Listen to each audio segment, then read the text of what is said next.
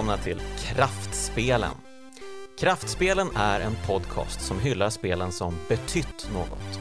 Vare sig det handlar om banbrytande gameplay-innovationer, nya narrativa nivåer eller estetiska genombrott så har alla kulturella verk som avhandlas i podden öppnat upp nya filer på den ettor och nollor drivna autoban vi kallar spelmediet. Jag heter Jonas Högberg och idag välkomnar jag Johan Henriksson till podden. Hej Johan! Hallå! Tjenare! Hur är läget? Det är bra. Uh, varmt. Ja, varmt. Det, det, det är mitt enda läge. du sitter i en extremt varm lägenhet just nu och eh, plågas uh, för en god sak att vara med i uh, kraftspelen. Lider för konsten. Yes, och du Johan, det var ju väldigt länge sedan vi snackade. Um, du är ju precis som jag en bättre begagnad speljournalist. Som, det var en placering. Ja. ja. precis. Som var med på det glada 00-talet och skrev för tidningar som Reset och Superplay. Vad yes. minns du från den tiden? Eh, allt mycket. Det var väl en av mina formativa perioder mm. I livet. Um, både i och utanför liksom, eh, spelkarriärsvägen. Uh, nu blev jag lite ställd av frågan. alltså, jag minns dig, våra kollegor. Uh, Alfred, Tommy, Thomas, uh, Tommy igen, Nasir. Mm. Yes, ja men de som minns dig minns dig med glädje från framförallt sektionen Gränslöst antar jag. Glädjen är väl diskutabel men Gränslöst var väl en grej som jag, ja inte någonting jag tänker ofta på, men nu när du tar upp det så är jag väl ändå ganska stolt över att vi, det var jag och Tommy Preger då främst. Mm.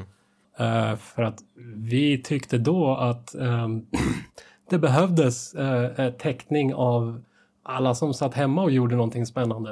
Uh, för det, hade, det började ju komma då att, att det började komma verktyg och jag tror inte Unity hade kommit då, men Game Maker fanns väl då. De fanns ju på den tiden och folk hade ju börjat använda dem och började göra spännande saker men det, det fick ju inte mycket täckning alls. Mm.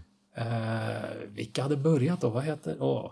Alltså det jag minns eh, var väl, det var ju framförallt Cave Story slog igenom mm. stort. Det var väl liksom det första spelet som blev så här, wow, man kan göra så otroligt jävla mycket med så lite.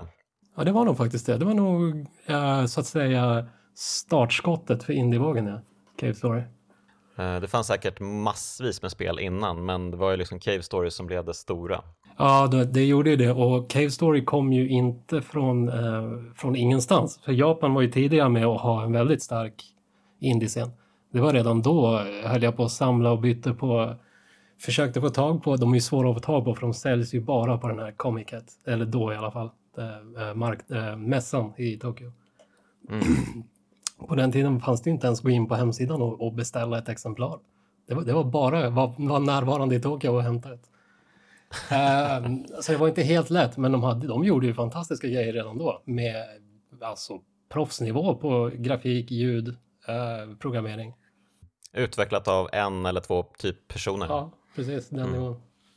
Och det var, där, jag, det var då jag verkligen upptäckte att wow, det här kan vara riktigt bra. Plus att det talar mer till min spelsmak än vad, vad än, än vart, vart eh, storbudgetspel är på väg. Ja men verkligen, ja, men det var härligt och anledningen till att jag tar upp just eh, Gränslöst och indiespelsektionen är ju för att eh, dagens spel är ju just ett indiespel och det, det är ju typ det enda du spelar också nu för tiden. Stämmer, ja, jag växte aldrig ur det. Precis. Eh, idag ska vi prata om det som eh, både du och jag kallar tidernas bästa Metroidvania-spel. Yes. yes. Hollow Knight. Hollow Knight, ja. Ja, eh, och jag tror ju att de flesta känner till spelet, men för sakens skull, hur skulle du beskriva Hollow Knight? Um, imponerande Kickstarter-framgångshistoria som kom från ingenstans och uh, lyckades, uh, vad ska man säga, fälla genregiganter som hade hållit sina positioner i årtionden. Vilket jag tror att de flesta håller med om var Symphony of the Night och Super Metroid. Precis, precis. Um, och jag menar, det, det, egentligen så är det ju bara ett av uh, typ, ja det känns som tusentals uh, Metroidvania-spel som släppts i indiesvängen uh, de senaste tio åren egentligen. Det har ju varit liksom säkerligen det mest um, um, den genre som alla indiespelsskapare vill göra och um, göra den perfekta uh, Metroidvania-spelet verkligen. Det är så himla många som satsar på det. Jag vet inte hur PT jag ska vara. Det där är en sak som, eh, nu blir jag lite tjurig. det där är en folk sak, sak folk ofta säger, men jag tycker ju inte att den är sann. Jag som har det som favoritgenre, mm. jag sitter ju hela tiden och känner snarare, hallå kan det komma fler eller? Mm. Uh, jag tycker den är, det, det, det, är de senaste åren har det verkligen exploderat. Uh, och nu har det kommit mm. så många att jag ligger efter med, i, ja alltså fram till för ett par år sedan då hade jag ju spelat alla spel i genren. Men idag ligger jag typ 10 spel efter. Det är lite pinsamt. För att det har kommit så många på sistone. Så till slut fick okay. ni rätt att det stämmer. Men innan dess tyckte jag inte att det kom så många. Det var, länge var det, fram till Hollow Knight var det Guacamele var före. Um, mm. um, och sen tog det slut. jag kom inte på supermånga. Uh, Momodora kom efter. Environmental Station mm. Alpha uh, nu ska vi se. Jag har ju inte koll på när alla kom och så, men uh, Axiom Verge kom väl typ i samma... Någonstans runt Hollow Knight, ja. Ja, precis. Precis, um, vilket ju också är väldigt trevligt. Uh, men uh, precis, men Hollow Knight, det uh, Ja, alltså det, det sprängde ju liksom genren i bitar egentligen. Ja, det, det var ett sånt här omskakande på... som sällan händer. Och som, som mm. ofta när det kommer något riktigt bra och, och, man ska se, liksom försöka följa vad folk tycker på nätet och försöka få en intryck av vad folk tycker, då är det ju ofta väldigt så här 50-50. Det är, det är många som är traditionalister, tycker att det går inte att knäcka Super Metroid. Det är inte ens lönt att någon försöker. Mm. Men Hollow Knight mm. kommer ju då från ingenstans. Och, ja, det, är, det är inte 50-50 på den riktigt.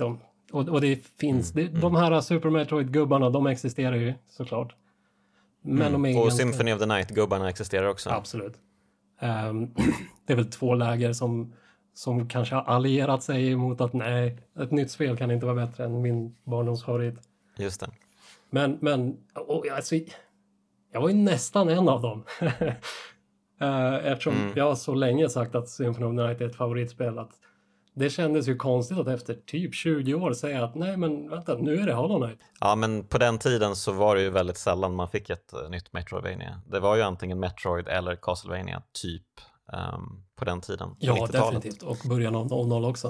Uh, det, det, var ju uh, Nintendo har ju tyvärr rätt länge ignorerat Metroid. Det är nu på senare år de har upptäckt att Metroid finns.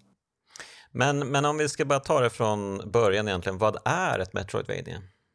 Ska vi börja med att förklara termen till och med? Ja, men du kan i alla fall förklara liksom vad, eh, vad man gör i ett Metroidvania. Ja, det är ju... Um, det råder delade meningar om exakt vad det är. Jag tycker att det måste vara tvådimensionellt. Eh, för att jag tycker att den så kallade core-loopen måste ju vara en del av förklaringen av vad spelet är. Och att det är, rör sig i sidled är viktigt, tycker jag. Men så ska det också vara en relativt öppen värld som ska, vara, ska ha avgränsade sektioner där du antingen måste hitta ett verktyg eller en färdighet för att kunna komma tillbaka. Vilket i princip alltid presenteras av att du går in i ett rum och så ser du till exempel en klippa högt upp där det uppenbarligen finns en gång men du har ingen möjlighet att nå dit. Och den klassiska första uppgraderingen i de allra flesta Metroidvania är ett dubbelhopp. Så då ska du, du gick till den här gången, du såg klippan, du fattade att du måste upp dit på något sätt, du vänder, eh, går och letar åt andra hållet, hittar dubbelhoppet och fattar att du kan gå tillbaka till klippan och fortsätta leta där. Det är, det är spelupplägget i sin enklaste form tror jag. Precis, och uh, själva um, ordet är ju egentligen bara en sammanslagning av uh, Metroid och ja, Castlevania. och den, ska vi vara riktigt petiga igen, används den ju alltid fel.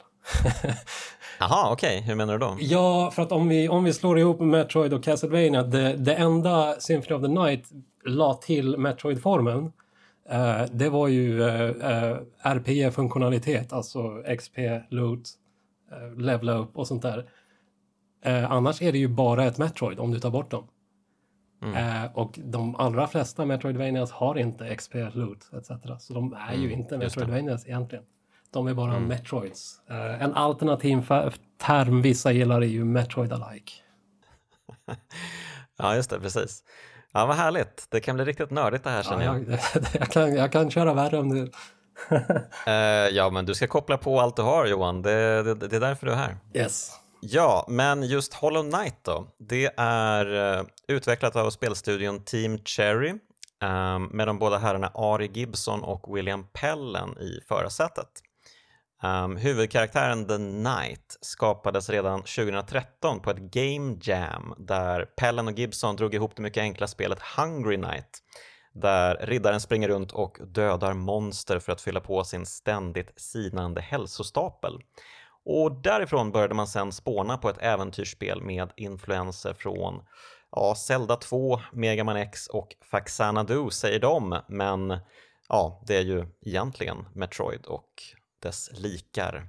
Och Dark Souls då förstås. Ja, precis, det ska vi också komma in på. Um, precis. Och som du var inne på, de hade ju en ganska lyckosam uh, Kickstarter, eller inte egentligen, de fick ju egentligen bara... Nej, den drog inte in supermycket pengar. Jag tror de fick 43 000 amerikanska dollar, um, vilket ju är ganska lite om man jämför med de stora succéerna. Yes. Men det var väl egentligen ingen som trodde på en helt nystartad spelstudio som typ hade några eh, basic game jam-spel på sitt CV egentligen. Nej, och jag tror att det där var innan Kickstarter verkligen exploderade också. Va? Ja, kan ha varit. Kan ha varit. Ja, det var väl typ 2014-2015 måste det varit. Um... Ja, och jag tror den superexplosionen på Kickstarter, den tror jag kom från brädspelsvärlden faktiskt. Med Cool Mini or Not och deras, eh, ja, att de kör väldigt mycket med att det är massor med Kickstarter exclusives. Man måste backa Kickstarter om man vill ha alla grejer. Yes. Ja, ja, men det blev ju ett spel till slut då. Um, och yes. det blev spelet Hollow Knight som utspelar sig i det pestdrabbade insektsriket Hallownest. Um, dit vår hjälte anländer för att undersöka vad som gått snett. Uh, och det är ju då som sagt insekter som är karaktärerna. Um, riddaren bär en liten nål, vilket fungerar som ett svärd. Och eh, den här infektionen har alltså spridit sig i kungariket och gjort många av invånarna galna. Och allt eftersom snurrar man upp en röd tråd som ja, leder till två gudalika insektsvarelser som slagits om invånarnas gunst. Och eh, det här är ju ingenting som egentligen förklaras in your face utan alla detaljer kring spelets story får man ju på bästa Dark Souls-sätt snarare. Och eh, då kanske vi kommer in på alla eh, likheter som spelet egentligen har med just Dark Souls. Ja, där, där kände jag direkt att du har, du har mycket bättre koll på manuset än vad jag har. ja, men jag har gjort lite research Johan. ja, men även den, den här krypti, kry, vad säger man, kryptiken, är det ett ord? Um, som är i både Hollow Knight och Dark Souls, den är jag inte bra på. Att pussla ihop allt det där. Ja, jag måste jag få läsa en, en uh, genomgång när jag är klar sen. Till exempel, du nämnde just gudalika, vad, är, det, är det The Hollow Knight och Radiance? Nej, ah, jag tänker på den här kungen, The Pale King. Um, ah. uh, enligt, ja det här visste ju inte jag heller förrän jag läste Wiki såklart. uh, det är ju verkligen ingenting som uh, man tar till sig från spelet. Det kanske man kan och det är uppenbarligen folk som har gjort det. Men, eh, yes. men eh, det gjorde inte jag. Eh, men precis. Nej, jag tycker också det är för svårt när det, när det, när det levereras i form av kryptiska dikter med och det är också gärna så här 11 speltimmar mellan. Mm. Då hinner jag glömma vad den stod på den förra kryptiska stentavlan. Ja, men precis. Och ja, men enkelt uttryckt, om vi ska gå in på storyn bara lite, lite till och vi ska inte fastna där, det är inte det som egentligen är det intressanta med spelet. Men, ehm, och ja, ifall man inte förstått det än så kommer vi spoila saker här. Ehm, eftersom vi kommer prata om spelet har, har redan i gjort. rejäl detalj. Titelfiguren Hollow Knight, man kan ju kanske lätt tro att det är riddaren själv. Men eh, det är ju snarare slutbossen eller slutbossen innan slutbossen. Ja, Fast, fast man, man blir väl Hollow Knight? Om man ja, exakt, uppdrag. precis. Man är ju ett, uh, man var ju en av många möjliga Hollow Knights. Um, från The Abyss där många liknande varelser uh, fortfarande finns. Där har jag en sidofråga. Är, är Zote en av dem? Eller Zoti, eller? Ja, jag tror inte det. Han har ju en lik, nästan likadan mask som du har. Mm. Fast han är sinnessvag. ja, nej, eh, ja. han är en lustig karaktär. Han är i alla fall en väldigt uh, grinig gammal gubbe. Ja, jag har nog aldrig riktigt fattat exakt vem han är riktigt. Förutom att han är någon form, han är där på något liknande och äventyrar av någon anledning. Ja, det, precis. Det är, ju det, det är ju en riktigt bra detalj med spelet tycker jag. Det här att det finns ganska många sidokaraktärer i spelet, mm. vilket ju inte är vanligt i Metroidvanias. De är ju vanligtvis Nej. väldigt solitära upplevelser. Uh, där det verkligen bara är en ensam hjälte beger sig in i fiendeterritoriet för att uh, sparka stjärt liksom. Ja, och i Metroid träffar man i, jag, jag, tror till och med samtliga Metroid träffar man exakt noll andra karaktärer. Om du inte räknar med de lite senare Metroids, till exempel Metroid Other M. Jaså? Ja, det, ja det, det, är, det är bekant med på nivån att det anses inte vara ett Metroid ungefär. Let's not go there. Ja, ungefär. Men, men jo, det är väldigt ovanligt. Och i Symphony of the Night, där träffar man Maria två gånger. Och man träffar Death en gång. Och man träffar ja, vad han heter. Vad heter han? Uh, det... ja, det, det, är inget du behöver kunna. Här. Han, prästen, som försöker återuppliva Dracula. Whatever. just det, just det. Ja men precis, men här i uh, Hollow Knight så finns det ju massvis med karaktärer som liksom glider in och ut ur storyn. Um, ja, många av dem är på... vänliga dessutom.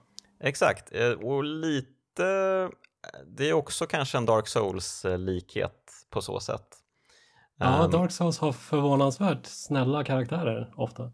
Sen ja, eh, flippar de ju ofta och, och, blir övertagna av whatever och går och dödar någon. Men det, det är Dark Souls. Det, det händer inte riktigt i Hollow Knight. De flesta förblir rätt snälla. Ja, men eh, precis. Men de har ju i alla fall eh, någon sorts eh, character arc i alla fall, att det, de, de, det händer saker med dem. Som Soat till exempel, han reser ju runt i det här insektsriket precis som hjälten. Ja. Han försöker ju ta sig till arenan för att sparka stjärt, men lyckas ja, väldigt svårt att hitta dit. Och sen blir han ju en av eh, bossarna i arenan, inom citationstecken då, eftersom han är så lätt att spöa. Ja, det är han som tål ett slag va? Ja, men exakt. Um, precis, så han är ju delusional to the extreme. Och han fyller ju då lite samma roll som Hornet gör. Ja, hur menar du då? I att de eh, tittar in då och mm. då och de har också någon egen agenda. Uh, nu vet jag, eh, som sagt, dålig på storyn. Jag vet inte, vet man vad Hornets agenda är? Ja, hon dyker ju på slutet. Ja, men hon försöker väl rädda kungariket? Ja, hon försöker väl stoppa övergången till Hollow Knight. Ja, fast i slutet så vill hon ju snar och hjälper hon ju Hollow Knight um, bli den nya Hollow Knight. Hon hoppas ju att han ska kunna stå emot um, The Radiance um, på något sätt. Och om man spelar det bästa slutet så uh, dödar han ju Radiance och försvinner och uh, den, den enda som blir kvar är ju Hornet som är den här uh, mystiska figuren, precis som du säger. Um, Hollow Knights, uh, vad ska man säga, Hollow Knights Zero i Megaman kanske? Ja, just det. Zero är fiende från början, ja. Väl? Ja, precis.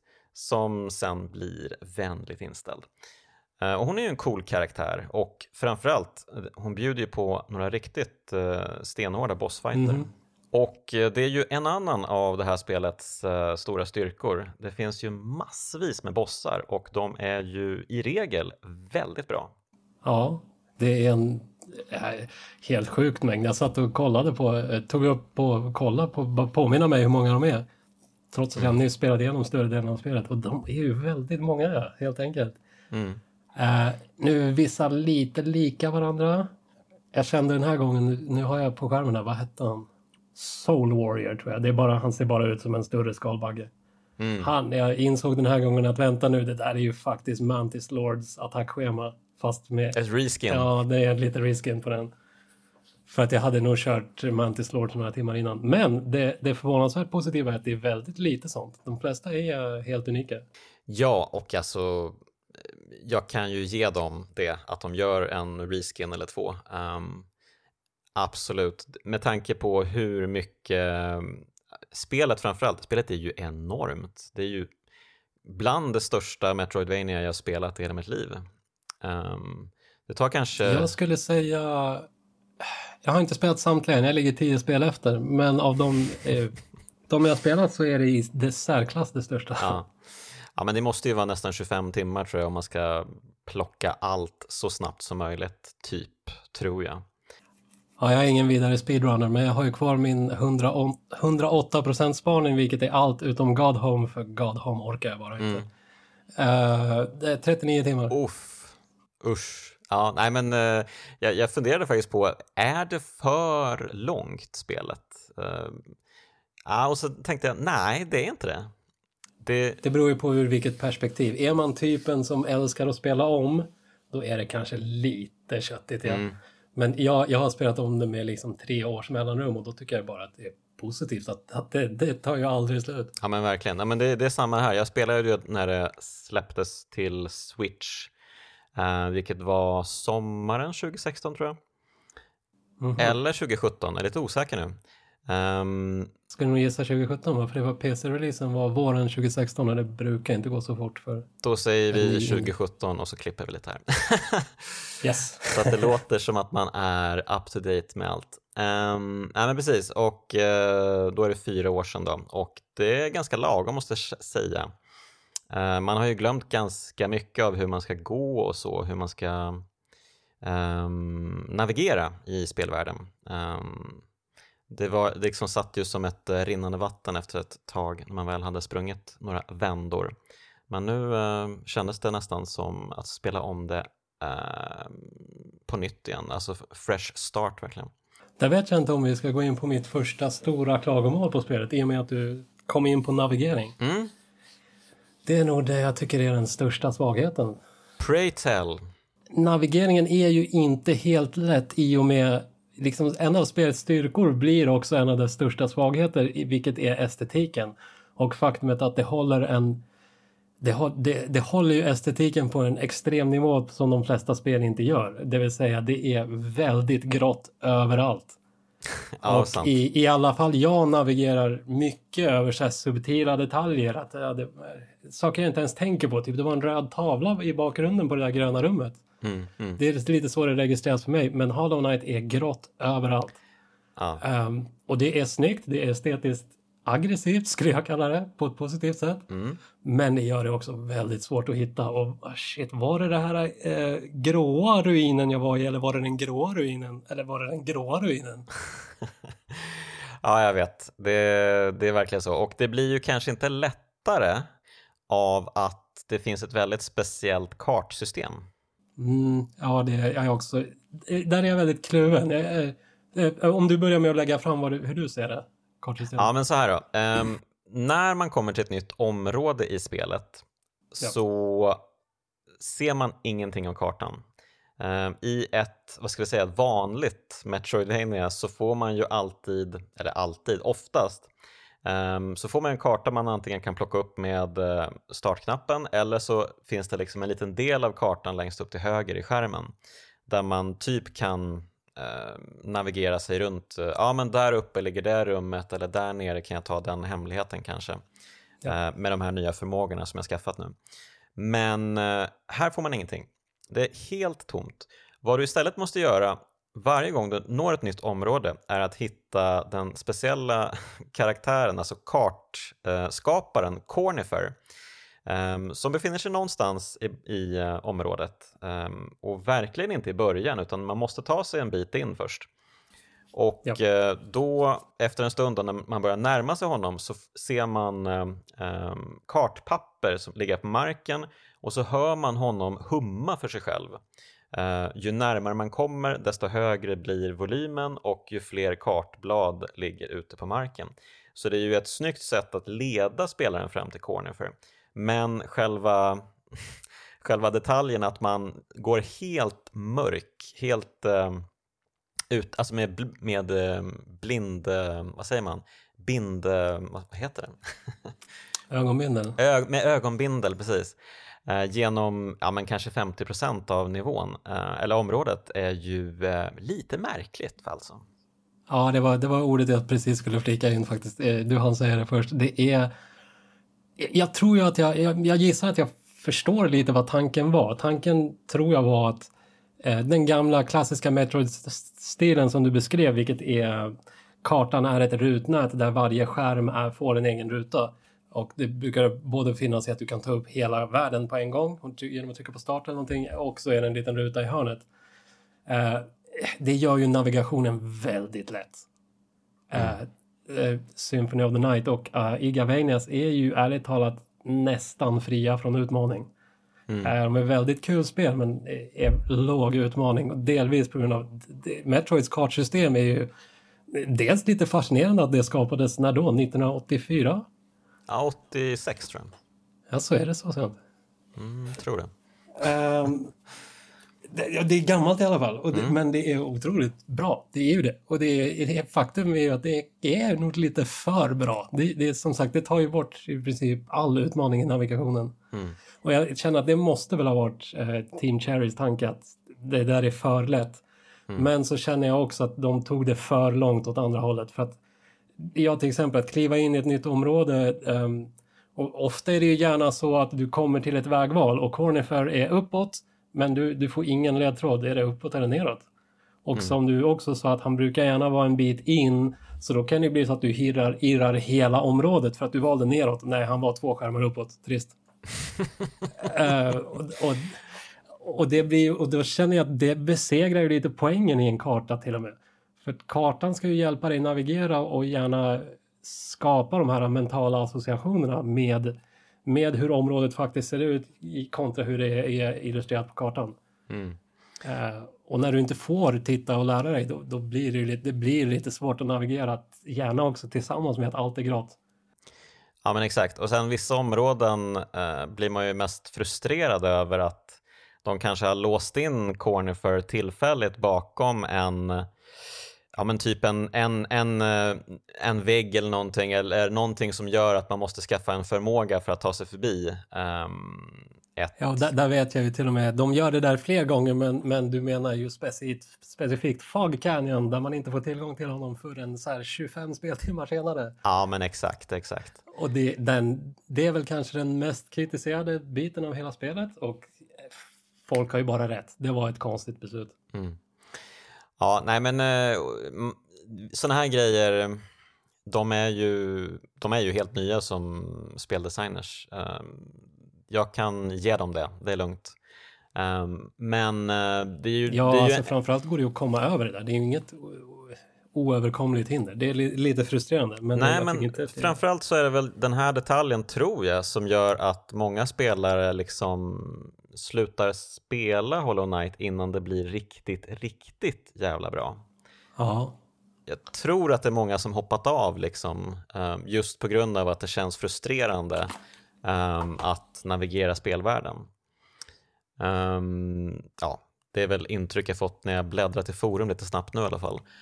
Mm. Ja, nej, jag, jo, jag håller med både om eh, tolkning av intrycket och personlig personligen.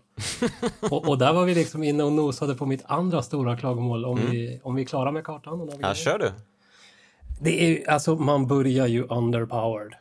Ja. Det, det, är lite störigt i början. Alltså jag, jag, jag, gillar verkligen inte den här knockbacken på när man slår en fiende, att man åker bakåt av att slå en fiende. Mm. Det känns som att det bara är inlagt så att du ska behöva använda din notch som gör att det inte händer. Och det, jag, jag tycker de hanterar notch-systemet lite konstigt också för att du måste ju ha den här för att se dig själv på kartan. Annars hittar mm. du ju inte. Mm. Så det är liksom, vad ska jag ens med den notch-slott till då? Den, mm. den kommer ju alltid vara kart. Förstår inte riktigt den tanken och, och liksom, eh, jag tycker man behöver notchen, eh, nej, charmen heter de ju till och med.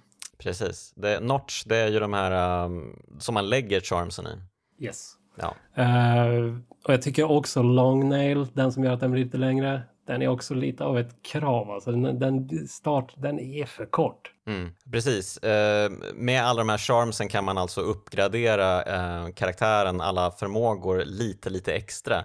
Um, och det blir ju ganska, ganska nödvändigt också. Um, skulle man spela Hollow Knight rent utan charm så skulle det bli djävulskt eh, svårt. Ja, absolut. Speciellt den här bossare eh, bossarenan och de här alternativa bossarna. Mm. de är ju på den nivån att då måste, då måste man verkligen ta charmsystemet till, till en RPG-nivå. Man måste skapa en bild.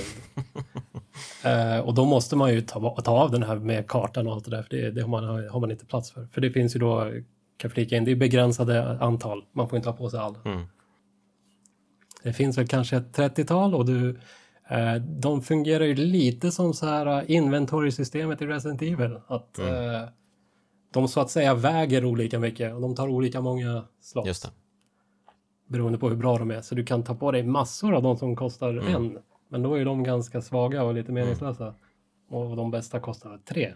Yes.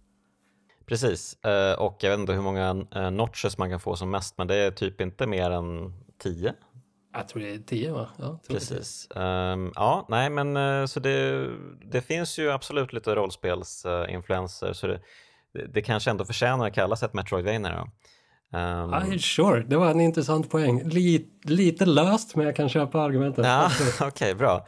Jag lyckades alltså få Johan Henriksson att acceptera Hollow Knight som ett Metroidvania. Bra. En seger för mänskligheten.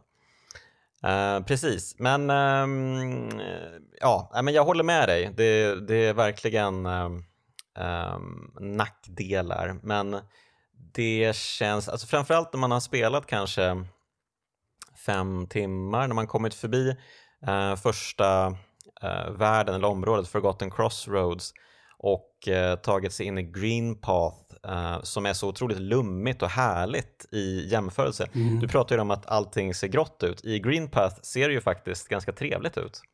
Grejen är, jag tänkte nämna Green Path, för för i mitt intryck i alla fall, visst, det har ju den här, lummigt är ju ett perfekt ord, det är väldigt, väldigt grönskande, känns väldigt eh, trivsamt om man gillar natur i alla fall. Eh, och det är, det är de här små fina små fåglarna som inte är fiender, som flyger iväg om man går nära dem. Mm. Men som om man är sadist kan man döda dem. Mm. Eh, och är man completionist måste man döda dem för de är med i Hunters Journal. Precis, det är en eh, sidokaraktär som, ehm, ja, det finns ett uppdrag du kan göra eh, där du ska döda alla varelser för att bli då kanske eh, i spelet. Då anser han dig vara en eh, värdig jägare. Vad är det man, har du, eh, hann du göra vad, vad man får av honom? Eh, nej, inte nu. Jag minns inte riktigt vad det var Det lär väl vara en charm, antar jag. Säkert. Gissningsvis en stridscharm. Ja, det får man ju hoppas. Men, eh, men, men eh, efter eh, Green Path så känner jag ändå att där liksom öppnar spelet upp sig. Man får nya förmågor, man kan gå till flera olika platser egentligen. Eh, Man kan eh, liksom talla lite på olika platser Japp. eh, innan man tar sig ner till City of Tears som är liksom ja, stadskärnan och där man får liksom, där man äntligen börjar fatta lite vad spelet handlar om. Vad, alltså en liten nugget av storyn i alla fall. Och Ja. kanske känner att ah, det är det här, okej, ja men det, okej, fett, okej, då, då kör vi. Och där är väl också den, jo det är det ju, det är den högsta koncentrationen av eh, pratsamma karaktärer i City of Tears. Ja, just det. Eh, Det där är också en detalj som jag tänkte på. Eh, många karaktärer, vi pratar ju om att det finns många sidokaraktärer, men många sidokaraktärer är ju också, vad säger man, handelsmän som Mm. ligger utspridda i spelvärlden. De är ju inte liksom fokus, alla är ju inte på ett och samma ställe uppe i Dirtmouth där man börjar. Utan de är ju utspridda lite här och var och eh, om man ska till smeden till exempel så måste man ju ta sig allra längst till eh, vänster i City of Tears. Japp.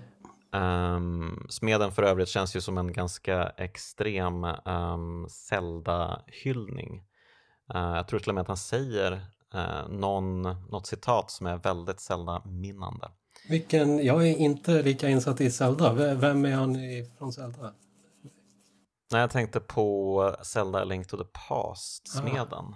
Um, ja, där man uppgraderar svärdet hela För tiden. jag tänker på, Eh. vad heter han, Artoras? I Dark Souls. Mm, ja, men absolut. Det, det finns ju liknande konnotationer där också. Eh, eh, Artoras är väl den enda karaktären som är med i alla Dark Souls. Så det känns som eh, eh, en smed är viktig i Dark Souls.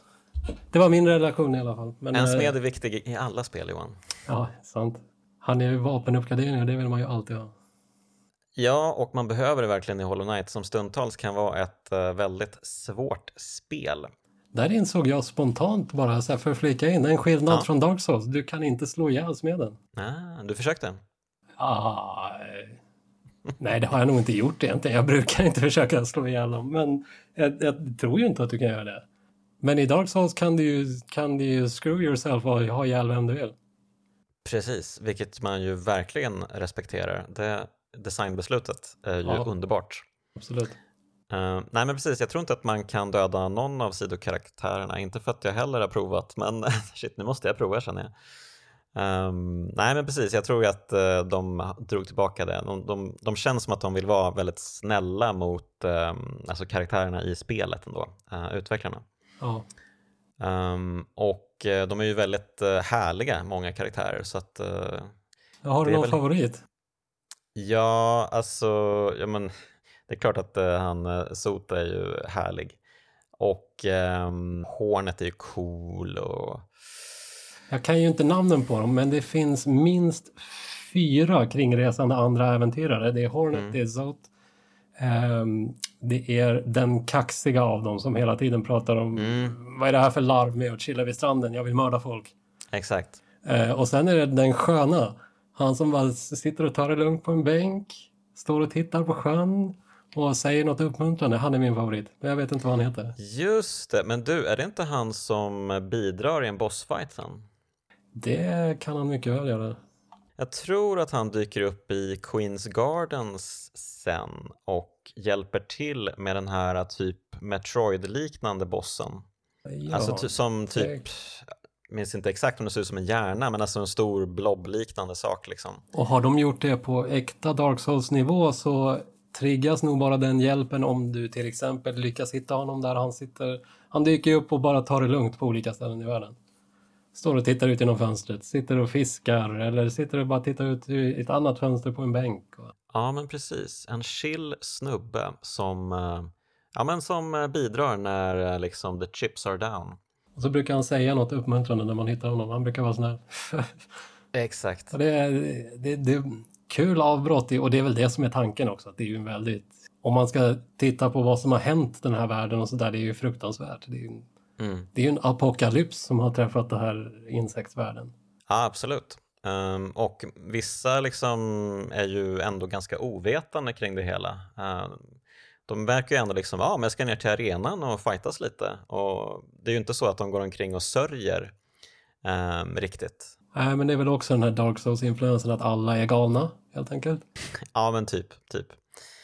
Ja, men det är mycket, mycket Dark Souls över spelet, verkligen. Um, och det känns ju helt rätt. Um, framförallt svårighetsgraden då. Um, och uh, ja, som du säger, vissa bossar är ju um, fruktansvärda. Men uh, överlag så tycker jag att de är väldigt roliga att spela emot. Jag tänker på ja. Soul Master som man träffar högt uppe i City of Tears. Um, väldigt kul boss som kan teleportera och uh, ja, men, skjuta pilar typ och mycket magigrejer och sånt som har liksom två faser också. Uh, och så har han den jävla finten. Ja, just det, fintjäveln ja, precis. Som funkar, som funkar irriterande bra för man faller ju för den varje gång också. När han ska dunka ner i marken där ja. Mm. Ja, så fintar han och så dunkar han direkt igen efter. För att han lyckas få dig att Eh, hoppa fel. Ja, men och då just, kan du just, precis, just den där detaljen, den, den, där detaljen är så jävla bra med det här spelet. Att uh, de ger en sån liten um, uh, guldklimp till uh, bossarna. Um, alltså vanligtvis, man kan ju köpa till exempel The Radiance. Det är ju liksom, det blir nästan som ett bullet hell-grej liksom. Med mm. massvis med intrikata mönster måste hoppa igenom och undvika spikar på marken som kommer från ingenstans och sådär. Uh, men just de där fintgrejerna tycker jag är så jävla... Uh, det, det, tyder på riktigt uh, hög och fin designnivå. Det gör ju det och den är verkligen sån där... Alltså när han gör den då blir det, då blir det bara, nej men fuck you, vad gjorde du den för? Och sen samtidigt, okej, okay, fair enough, det är ju en bra move. Ja. och, och ska det här vara liksom en kamp till döden mellan två magiska karaktärer, ja då är det väl ändå helt rätt att han gör allt han kan för att vinna. Mm, mm. Och, och den är inte... den är inte orättvist designad. Den är svår att lära sig och den känns jävlig. Mm. Den känns elak. Mm. Och man blir irriterad när man dör av den i alla fall. Eh, men den är ju fair enough. Det är ju en bra design. Mm. Ja men verkligen, så det, det är absolut en av mina favoritbossar och sen gillar jag även um, Dung Defender. Det är ju inte en boss som är jättesvår egentligen men det är mest att uh, den är så skönt designad. Jag vet inte om du han spela den eller minns den. Jag minns om det är han som är stor och tjock och röd. Han är stor och tjock och röd och han liksom han pratar konstant uh, som ett barn föreställer sig att en modig riddare låter. väldigt specifik eh, liksom chattrande från honom hela tiden eh, som gör att det blir en väldigt komisk och härlig bossfight. Eh, det är inte liksom faktumet att han skickar iväg skit på en utan ehm, det är liksom de här små detaljerna som verkligen sätter ehm, spelet, hela atmosfären och världsbygget och allting. Jag gillar, äh, äh, spelet är lite icke-linjärt och jag vet inte om det här måste bli din första boss, men False Knight, han är också stor, tjock och grå. Mm. Bara det att äh, man, får, man får lära sig under fighten att han är fake. han är en liten mask i en stor dräkt. Och när man besegrar honom så, han har ju en spikklubba. Och det är en detalj jag älskar. Uh, när, när man besegrar honom så fäller spikklubban ut ett par ben och går därifrån. Ja, det, de är briljanta, Team Cherry. De är riktigt, riktigt briljanta. Um, och det, det, finns ju även en uh, Ornstein och Smaug uh, bossfight typ när man möter Mantis Lords um, som är ganska trevlig. Den, den, är, den, är, den fighten är väldesignad får jag erkänna men jag tycker den är lite irriterande. Mm. Uh, jag, det jag inte gillar specifikt är att den här när de slår uppifrån mm den målsöker lite vagt. Ja. Uh, inte så här tillräckligt mycket att man, eller den målsöker så pass vagt att man, i alla fall jag lyckas glömma det hela tiden. Mm. uh, så jag, lyckas, jag ställer mig lite och så ska jag, ja men om jag flyttar mig lite grann eftersom han slår rakt neråt. Nej, han gör ju inte det. Uh, han, han böjer ju lite under tiden han smäller neråt. Och försöker sikta på dig. Och det är också en sån där, likt finten är ju det en, det är en bra design. Men, men man blir ju irriterad på att man, man åker på den. Jag gör det varje gång i princip. Mm. Ja, det tyder på bra design helt klart. Um, ja, men uh, det finns mycket att uh, älska med Hollow Knight. Du var ju inne lite på um, estetiken och det där och mm. uh, det är ju sjukt snyggt tycker jag. Men det, det, är klart att det är väl lite um, upp till var och en i och för sig vad man tycker är snyggt. Men... Absolut, det är såklart Eye of the Beholder och sånt där, betraktarens öga. Men, men man, kan ju, man kan väl inte möjligtvis se lite screenshots av det här spelet och i alla fall komma fram till att det liksom vadå, att det saknar estetisk känsla. Man kanske inte behöver tycka om mm. det, men man måste väl se att det, det har en visuell karaktär som är väldigt stark. Och som dessutom är väldigt udda i den här lustiga blandningen av mycket så här gotisk arkitektur med eh, figurer från en 50-tals tecknad serie. Mm. Precis, ja, men eh, det är ju, om man tittar på alla Metrovanias så eh, Hollow Knight står ju ut liksom som ett skinande ljus där verkligen. Um... Ja, e- estetiskt kan jag inte komma på någonting som kommer i närheten. Nej, alltså jag, jag, jag, tänkte på det nu när de utannonserade uh, Metroid Dread på E3. Vet inte om du har hunnit se det, men uh, det ser ju för jävligt ut. Uh, precis som Samus Returns såg för jävligt ut. Och precis som många av Nintendos spel på vad ska vi säga, 2010-talet i alla fall har sett för jävliga ut. Um... Ja, nej, det ser inte vackert ut. Förhoppningen är att det spelar bra. Ja, ja, I guess. Men, men, men, det är ju inte vackert. Eh, jag skulle faktiskt säga att vad gäller så här säregen estetik så det är rätt subtilt men Symphony of the Night har ju en det har ju en, eh, i och med hur de producerade det, så eh, i och med att det hade väldigt låg budget och det till exempel återanvände sprites från Round of Blood. Bara det att de spritesen är gjorda för en PC Engine, inte en Playstation. Just så de det. har ju mycket färre pixlar och eh, lägre palett och sådär. Och om man ställer de spritesen bredvid en som är skapad för Symphony of the Night så blir det en uppenbar mismatch. Och sen blandar de också in så här rudimentär, ganska ful polygonal grafik. Och, och om man smäller ihop allt det så det blir en ganska, egentligen ganska trashy och lågbudget men lite så här punkigt snygg atmosfär i Symphony of the Night för att det mosade ihop allt de kunde. Eh, och med relativt, eller väldigt låg budget. För det var väl, det var väl ett spel de gjorde lite halvt i smyg typ. Ja, precis, ja, precis det var det ju. Um, exakt, och sen så råkar det bli värsta fenomenet. Men, men det, det, i och med att, det, att de behövde pussla ihop massa för att, få, för att ens få ihop ett spel överhuvudtaget så får det en på ett subtilt sätt säregen estetik.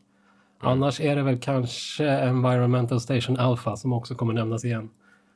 Ja, vi, vi kommer till det sen uh, yes. när vi uh, rullar ihop uh, hela avsnittet.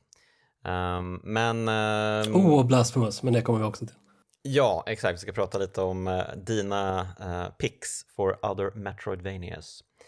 Um, men uh, först och främst uh, Metroidvaniat Hollow Knight.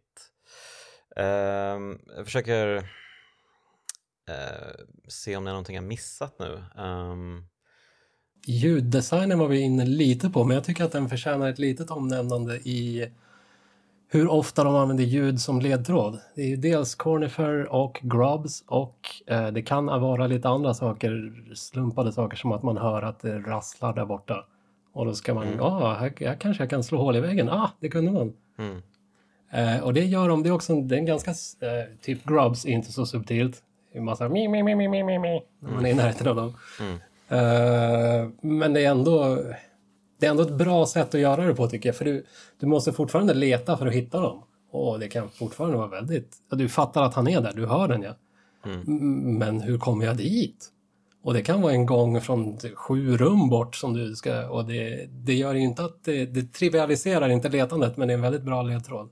Ja, precis. Och musiken, den kanske inte är lika fet. Det är stämningsmusik. Det är stämningsmusik. Det är ju inte liksom castlevania musik där det bara pang eh, Nej, det är inga, det är inga rakt, rakt i hjärtat. Liksom. Um, det kan man inte säga. Um, kanske något jag skulle förändra till uh, uppföljaren. Men uh, ja, det är ju inte jag som uh, styr Team Cherry och det ska kanske alla vara glada för. och det där är väl också en smakfråga. Jag lutar också mot liksom, eh, vad heter hon, Michi Ryamane? hennes, alltså hon skriver ju hits till Castlevania. Det är ju melodier och, eh, och det är många genrer och, och det är alltid catchy liksom. Medan Hollow Knight är kanske mer subtilt, men det är ju mer stämningsmusik då. Det, det kanske inte ska vara catchy. Eh, men nu, visst, jag är också typen som tycker att, äh, okej, okay. stämning, stämning i all ära, men ja, ge mig lite hits också. ja, men, men slutligen då, um, det som kanske, alltså Hollow Knight, det är ju, det är ju egentligen inte ett eh, superinnovativt spel utan det plockar ju ganska mycket från massa andra spel.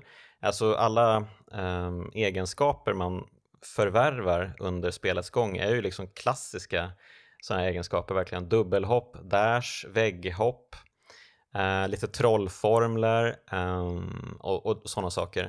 Eh, den här den här att du kan skjuta dig själv åt sidan, den är lite egen i att den, mm, den är inte så vanlig, men den är ju bara en variant på att du kan skjuta dig själv vertikalt i Symphony of the Night. Mm. Det är bara det att du skjuter dig själv horisontellt i Hollow Knight. Det är inte värsta skillnaden, men en liten skillnad är det mm.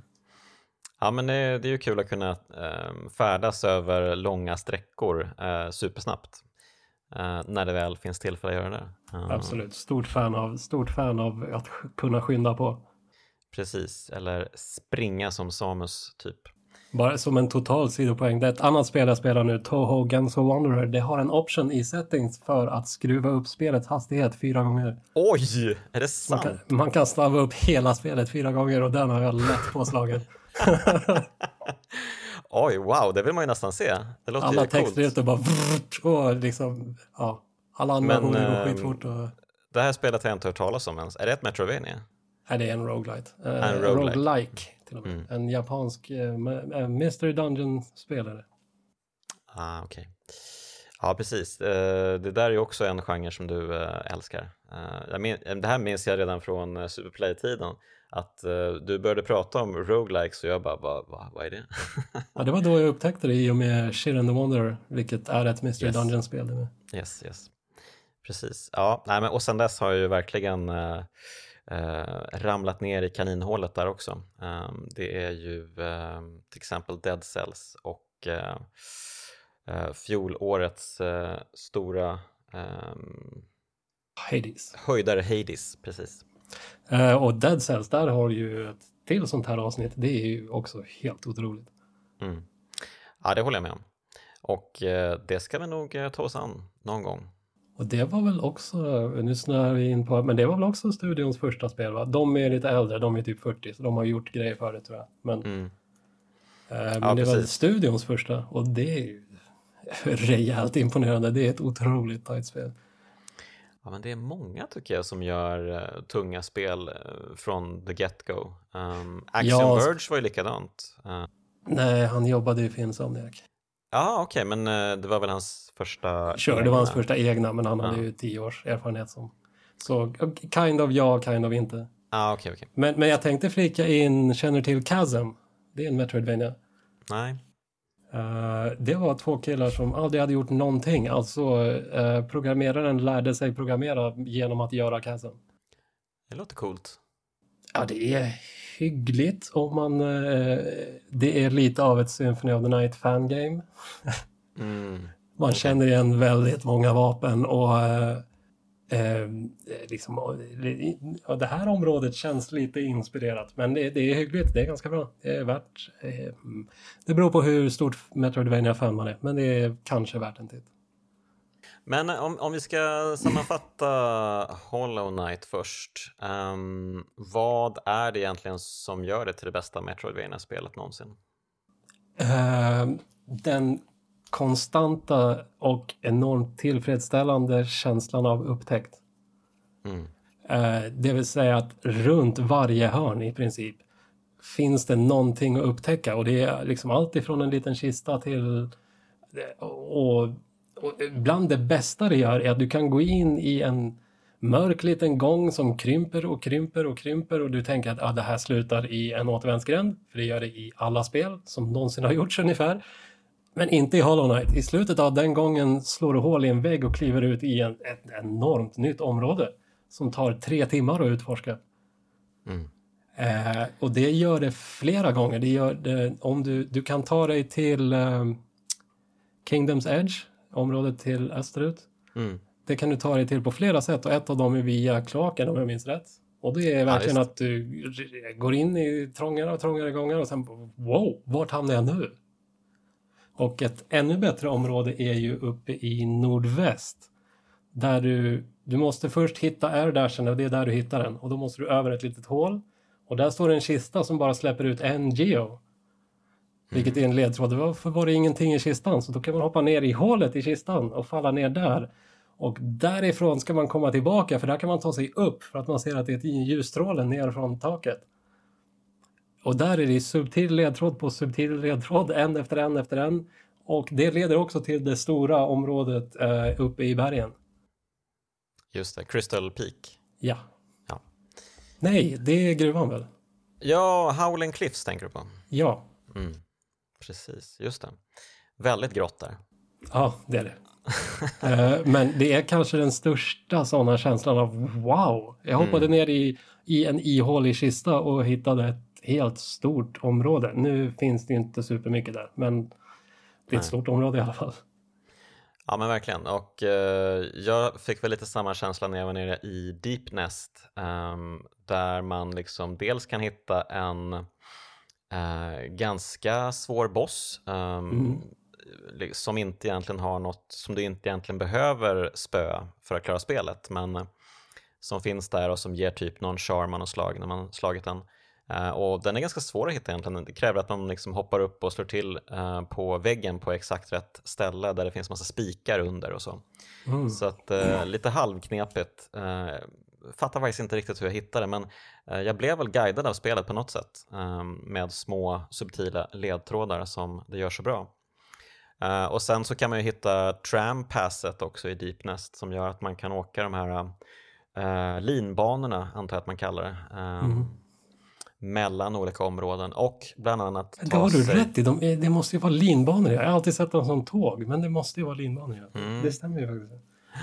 Ja, men då kan man ju dels ta sig till Ancient Basin och sen till Kingdoms Edge och via den utgången i Kingdoms Edge så kan man ta sig in i The Hive där det dyker upp massa mm, getingar och humlor typ. Ja, det är en stor bikupa. Exakt. Och den, det området är väl helt och hållet uh, frivilligt och ganska jämnt va? Ja, precis. precis. Det tror jag är ett av de flesta missar. Det var inget uh, extremt viktigt man hittade där tror jag. Men samtidigt är det väl väldigt så här lätt att hitta, man slår hål i en vägg typ bara. Ungefär. Ja men det gäller ju att man utforskar. Ja precis, men man... det, är, det är väldigt så här subtil och den känns småskalig. Det är också en sån. Det, ja, jag slog hål i en vägg och oj, här var värsta området med unika fiender, unik grafik. Men det är ju det jag säger, de gör ju ingenting nytt egentligen. Det är bara det att de gör massa gamla speldesigngrejer så jävla bra och för dem samman i en och samma fantastiska eh, paket. Och, och, bara hela världsstrukturen är överlag ganska imponerande. För i min omspelning nu, eh, det, det, gick helt enkelt lite för bra för mig den här gången. Eh, liksom del av hela Dark Souls-formen är att du ska dö. Mm. För att uh, du ska behöva besegra fienderna på vägen igen så att du bygger upp en reserv av Souls i Dark Souls och Geo i Hollow Knight. Mm. Uh, men nu hade jag lite vana inne så det gick lite för bra och då var jag ju pank på Geo när jag behövde lyktan. Och den Just kostar det. ju 1800. Mm. Och då blev jag lite sur och bara, vad är det här för kastbalans? Nu är jag ju pank och så ska, ska jag verkligen behöva gå och grinda pengar. Det känns inte rätt i det här spelet. Men det är ungefär precis då kommer man in i City of Tears och hittar samlaren som vill köpa grejer. Och har du varit lite noggrann så kommer du bära på flera tusen i form av hans samlarobjekt. Mm. Och då kan du ju mycket smidigt gå tillbaka och bara köpa lyktan. Så då, då eh, det, spel, det är ju också en form av fint, likt, äh, likt bossen där. Att, mm. att äh, aha, du trodde att du var pank när du behövde 2000 men du höll ju i 6000 så spring och shoppa nu då. Det var exakt det som hände mig den här omgången. Att, ja, jag satt och surrade lite och så, åh, här är ju samlaren! Och jag håller i så här 15 grejer han vill ha. Yes! ja, exakt, exakt. Det var ungefär exakt samma upplevelse hade jag. Uh, jag var också pank när jag insåg att ja men fan lyktan, ja, jag måste in i de där områdena som är mörka, som är omöjliga annars. Um, ja, och sen så bara City of Tears, samlaren, serverat på silverfat. Och väldigt vältajmat ja. Det där, det, där, det, där kan inte, det där kan de inte ha chansat. Det där måste de Nej. ha experimenterat fram känner jag. Det, det är så mm. väldigt tajt. My, mycket liksom världsdesign kan ju bara vara tur. De bara kände för att lägga ut någonting och det lyckades bli bra. Men det där känner jag, det där måste de ha itererat många gånger. De är ju inte världens snabbaste utvecklare. Nej, precis. Uppföljaren Silksong har ju dröjt eh, väldigt länge nu. Åratal nu. Eh, och den sitter vi ju alla och suktar efter. Antagligen det spel jag längtar efter mest just nu. Ja, det är för mig med. Eh, och, eh, och om de har itererat fram till exempel den här flowen vi just diskuterade, ja då okej. Okay. Då är det väl en hel del sånt i Silksong och det är därför det tar dem åratal att få till ett spel. Ja, men absolut. Jag tycker ju att uh, release it when it's done. Helt klart. Ja, absolut. Och där Uh, det var ju en, där gjorde du en övergång till då, om vi skulle nämna de andra spelen. Ja men gör det, Kör. För två av de här, det finns ju flera, uh, av någon anledning den här Dark Souls-influensen är väldigt stor i Metroidvania. Och det finns ju tre stora som kallas 2D Dark Souls. Det är mm. Hollow Knight, Death's Gambit och uh, Blasphemous. Yes. Och både Blasphemous och uh, Death's Gambit begick ju det fatala misstaget att släppa för tidigt. Mm.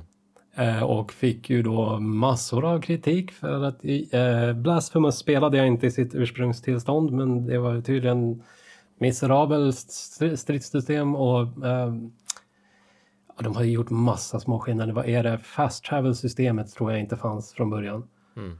Eh, det patchade de in och, och en, en, lång lista förbättringar. Liksom en lång lista förbättringar som i princip bara säger ah, okej, okay, det här spelet skulle ha haft sex månader till i, i ugnen så att säga. Just det. Och eh, Death's Gambit var ju ännu värre. De har ju fortfarande, det släpptes ja, det släpptes långt före Blasphemous och de har fortfarande inte fått ut sin fix-patch. Mm. Så det är, om man ska rekommendera så, nej, vänta tills fix-patchen kommer för Death Gambit. För de, de, ska göra, de ska göra om spelet så pass mycket att de ska lägga in ett dubbelhopp. Eh, det betyder att du måste bygga om hela spelet. Ja. Alltså dubbelhopp är ju en sån fundamental förändring. Det, det förändrar ju hur du tacklar samtliga rum i spelet. Så de måste ju, ska de lägga in det måste de göra om hela. Och de har ju hållit på med det i åratal så det verkar ju vara det de gör.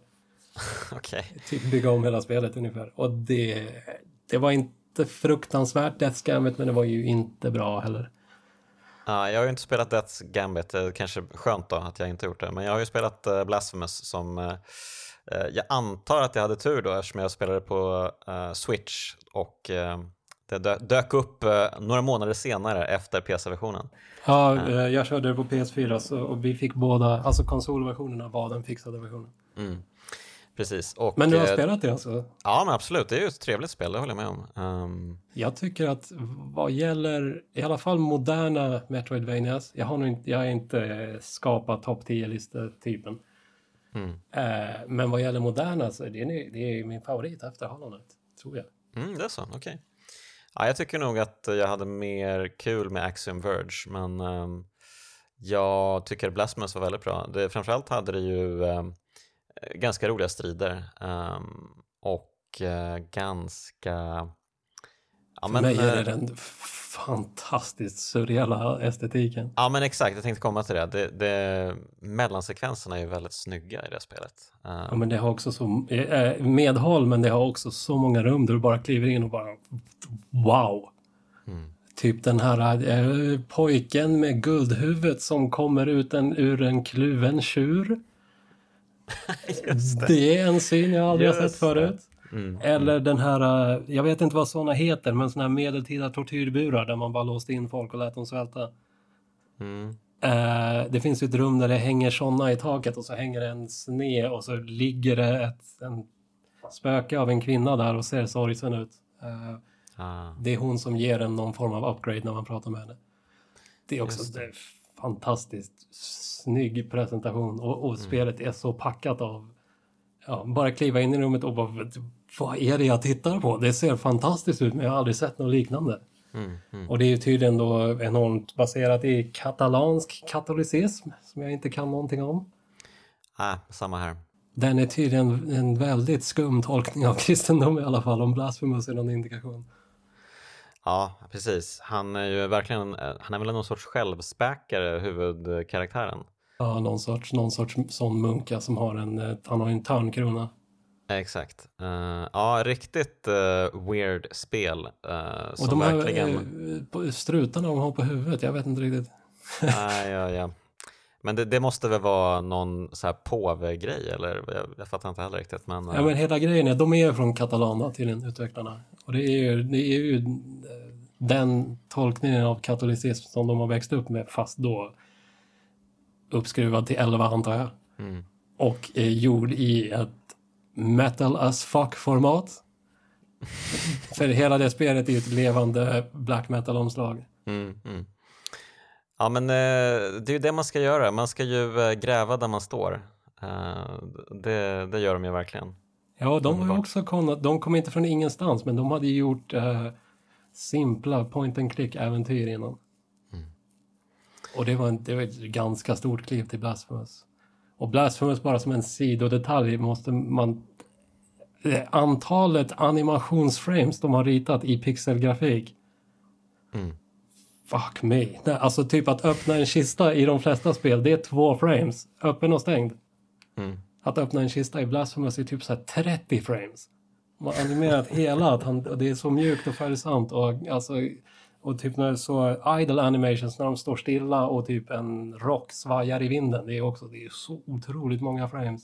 Alltså hur orkade de? Ja, det är det. Deras grafiker har en otrolig envishet. Ja. jag tror de har två grafiker, en kille och en tjej tror jag som har ritat allting.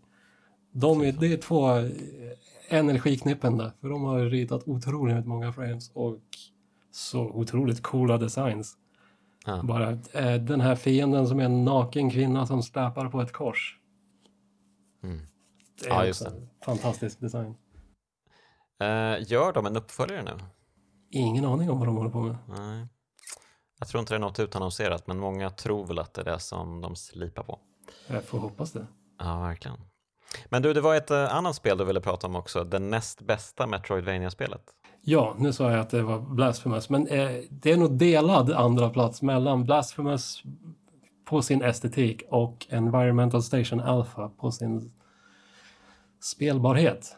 Och det här är ju ett spel som inte jag har hört talas om än.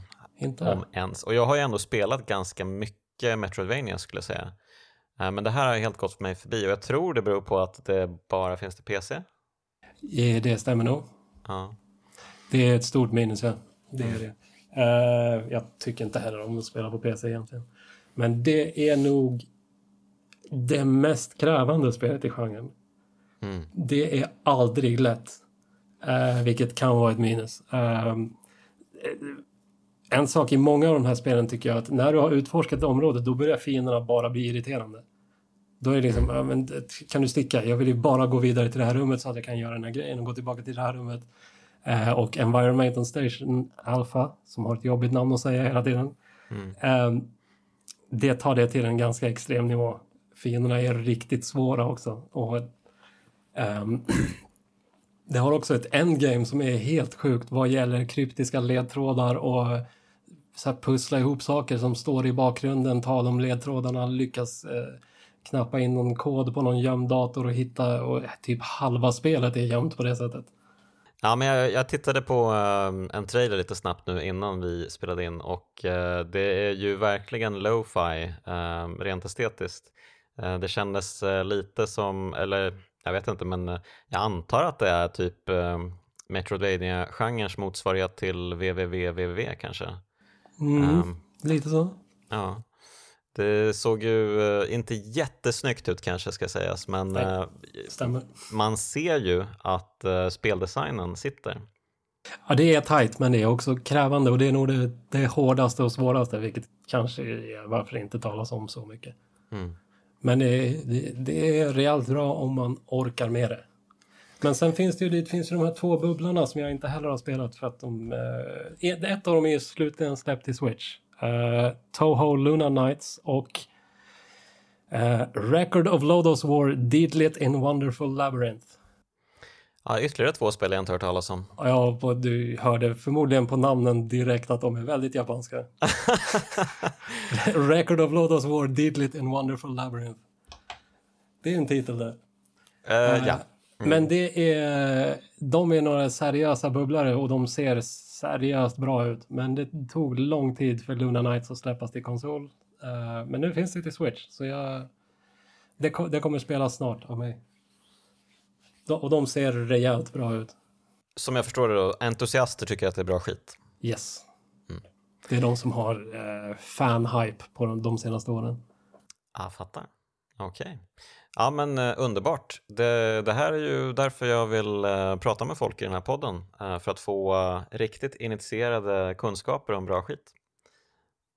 Ja, eh, och någonstans ska man väl göra av all kunskap man samlar på sig. Ja men verkligen, framförallt Just du som är så extremt nördig i detaljer Johan. Eh, underbart att prata Hollow Knight med dig. Detsamma. Mm. Uh, kanske bara ska nämna att jag tycker att spelet är liksom, när jag väl har satt, satt mig in i uh, hela tematiken kring spelet så blev ju uh, själva slutet så jävla mäktigt och härligt på ett sätt som det inte var första gången. Um, det är ju så fräckt att när man väl har slagit Hollow Knight och eh, väntar in The Radiance så tittar man mot uh, solen i bakgrunden som dyker upp som sen blir The Radiance. Det är en otroligt snygg detalj. Mm. Um, och just det att allting är så mörkt i spelet, Radiance är liksom ljuset som man ska besegra. Och sen så kommer alla um, andra skal um, som skulle ha varit Hollow Knight upp och trycker upp hela liksom um, bossarenan mot himlen. Det är riktigt mäktig skit tycker jag. Ytterligare en detalj som förtjänar att nämnas när vi utser Hollow Knight till det bästa Metroidvania-spelet någonsin. Absolut. Och där, där måste jag flika in en, en uh, fråga angående sluten. Har du, har du sett det, det riktiga, riktiga, riktiga slutet? Uh, nu blir jag osäker eftersom du säger riktiga, riktiga, riktiga slutet. Det hemliga, uh, hemliga slutet med svampen? Nej. Inte? Nej, det är ju inte så, det är inte så mycket att berätta. Uh, det, det, jag kommer inte ihåg vad det är man gör för att trigga det, men du uh, uh, gör någonting för att göra så att en svampkaraktär dyker upp på några förbestämda platser i världen. Och om du hittar honom på alla ställena så mm. får du superslutet. Vilket är att svampen blir en raket och åker ut i rymden. Det är en. jag har ingen kommentar. Inte jag heller. Jag har absolut ingen aning om vad det ska betyda. Svampen drog till rymden. Okej, okay. okay. ja, ja, då vet vi. Silksong utspelar sig i rymden. Och har någonting med någon svamp att göra. Jag tror han är en flugsvamp. Okej, okay. var, det någon, var det någon extremt vag eh, referens till Super Mario eller vad, vad var grejen där? Jag har ingen aning. Jag har aldrig kollat upp fanteorier eller någonting heller. Jag, bara, jag vet inte. Det bara, han drar till rymden bara och sen game over. Okej. Okay. Bra! Men, äh, ja, äh, nu, jag blev så chockad av detta att jag knappt vet hur jag ska gå vidare här. Men, äh, nu har du någonting att youtuba ikväll. Verkligen, det ska jag verkligen göra. Och det hoppas jag att alla lyssnare också gör. Och vi får ju tacka alla lyssnare för att de orkat igenom hela det här avsnittet och kan tackas av oss båda här. Um, men du Johan, eh, det var fan grymt att snacka med dig igen. Det var alldeles för länge sedan. Ja, detsamma. Um, hoppas vi uh, hörs igen snart och uh, lycka till med allt du företar dig. Um, spela mer Metroidvania och dela med dig åt uh, världen tycker jag. Uh, jag vet inte hur, men spela Metroidvania. Det, det, det var lustigt att du kom med den här frågan för nu för tiden, speciellt senaste året, så när folk frågar om spel, mitt svar är alltid att äh, jag spelar bara Metroidvania och roguelites. Mm. Eh, folk kommer och, har du spelat eh, Resident Evil remaken? Skitgrym. Nej, det är inte en Metroidvania eller en roguelite. Just det, men det måste ju också vara Metroidvanias i 2D. Ty typ eh, Batman Arkham Asylum skulle du aldrig ens röra liksom. Jo då, det har jag spelat. Det har du spelat, okej. Okay. Inte igenom för att uh, jag har försökt, de är ju hyggliga spel. Ja. Men när, när jag startar dem så känner jag ett en enorm våg av hur lite jag bryr mig om Batman. Ja, okej. Okay. och där blev alla Batman-fans upprörda. Men det är bra, det är bra. Man ska skaffa sig fiender i världen. Det är det jag alltid har sagt.